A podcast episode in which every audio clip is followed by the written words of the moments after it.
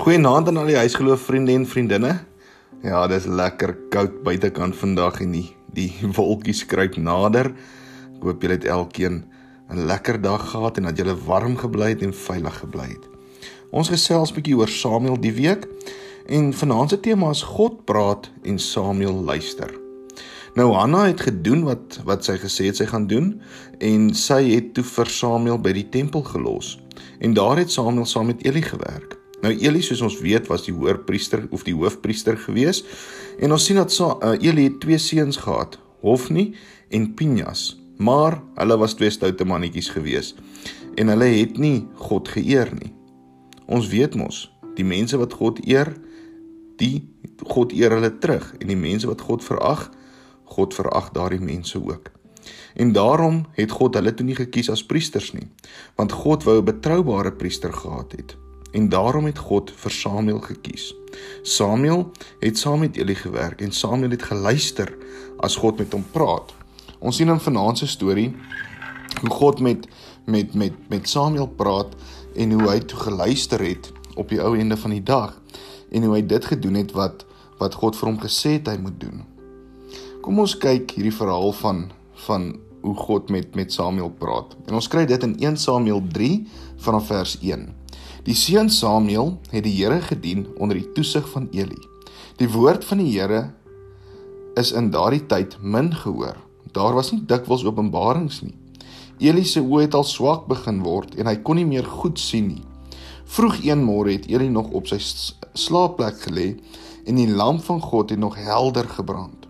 Samuel het ook nog gelê in die tempel van die Here waar die ark van God was.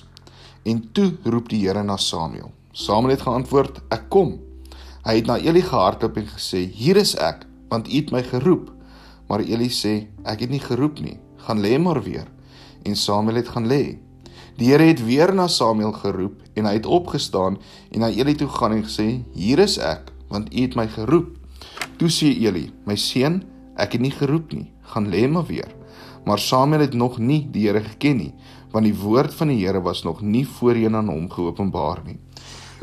Die Here het Samuel toe 'n derde keer geroep en hy het opgestaan en na Eli toe gegaan en gesê: "Hier is ek, want U het my geroep." Toe besef Eli dat dit die Here is wat die seun geroep het. En Eli sê vir Samuel: "Gaan lê en as iemand jou weer roep, sê jy: "Praat, Here, U dienaar luister." Samuel het toe gegaan en op sy slaapplek gaan lê. Die Here het gekom en gaan staan soos die vorige kere geroep. Samuel, Samuel, en Samuel sê: "Praat, Here." Die dienaar luister.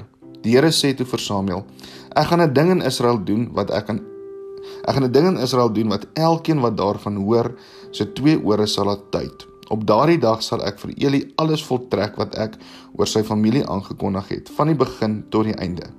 Ek het aan hom bekend gemaak dat ek sy familie vir altyd gaan straf oor die ongeregtigheid waarvan hy geweet het. Ja, toe sê sy seuns, Ja, toe sê sy seuns die vloek oor hulle gebring het, het hulle hulle nie het ek hulle nie bestraf nie. Daarom bevestig ek met 'n eed aangaande die familie van Eli. Die ongeregtigheid van Eli se familie sal sekerlik nooit deur diereoffer of graanoffer versoen word nie. Daarna het Samuel gaan lê tot die oggend en toe die deure van die huis van die Here oopgaan en toe die deure van die huis van die Here van die huis oopgegaan en hy was bang om die openbaring aan Eli te gaan vertel. Maar Eli het vir Samuel geroep en gesê: "Samuel, my seun." Hy het gesê: "Ek kom." Eli sê toe: "Wat het die Here met jou gepraat? Moenie iets van my wegsteek nie. God sal jou met die doodstraf as jy iets van my wat hy aan jou bekend gemaak het vir my wegsteek." Toe vertel Samuel hom alles.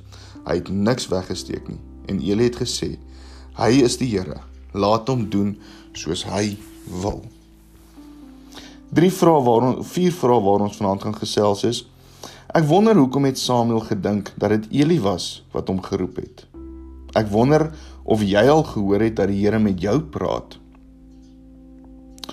Praat God net as met 'n harde stem met ons of praat God ook op ook op op ander maniere met ons? En die vierde een is hoekom moet ons nie stil bly oor die dinge wat God vir ons sê nie? Iets wat julle as gesin of as vriende dalk saam kan doen is vertel vir mekaar van 'n keer wat jy nie geluister het nie en toe dit sleg geëindig vir jou Of vertel van 'n keer wat jy wel geluister het en toe dinge goed geëindig het. Kom ons bid saam. Here, soms luister ons nie. Vader, soms praat U op maniere met ons, maar ons kan dit nie raak sien nie. Daarom bid ons vandag vir die Heilige Gees. Here, ons vra dat die Heilige Gees sal kom om ons oë, ons ore en ons harte oop te maak vir dit wat U vir ons sê. Dankie dat ons kan weet U praat met ons en U los ons nie alleen nie. Vader, dankie dat ons vanaand kan bid vir almal wat siek is, vir almal wat dalk moedeloos is. Here, dankie dat ons in die spesiaal vandag kan bid vir mense wat geliefdes ook aan die dood afgestaan het. Mag U met elkeen van hulle wees, o Here. Dankie dat ons dit vir U kan vra, o Vader. Ons bid dit in die naam van Jesus Christus. Amen. Mag elkeen van julle 'n wonderlike aand hê. Bly warm en bly veilig.